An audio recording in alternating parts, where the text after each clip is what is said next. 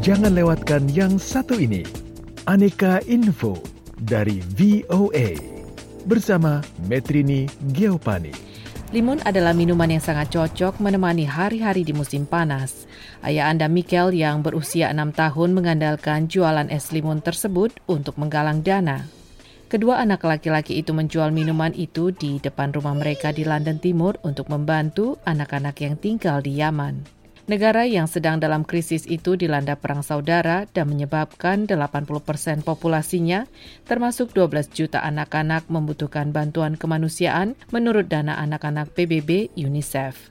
Ayaan mengemukakan alasan membantu anak-anak di Yaman tersebut.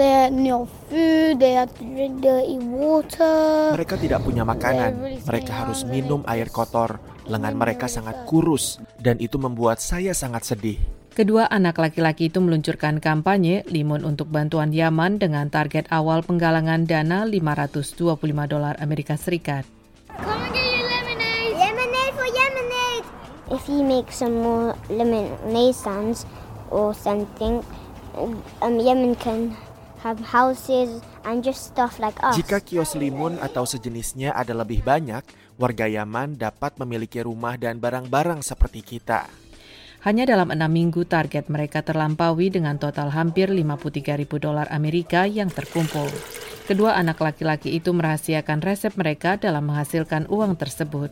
Keduanya tidak memiliki hubungan apa pun dengan Yaman. Proyek itu terinspirasi oleh apa yang diajarkan oleh orang tua mereka.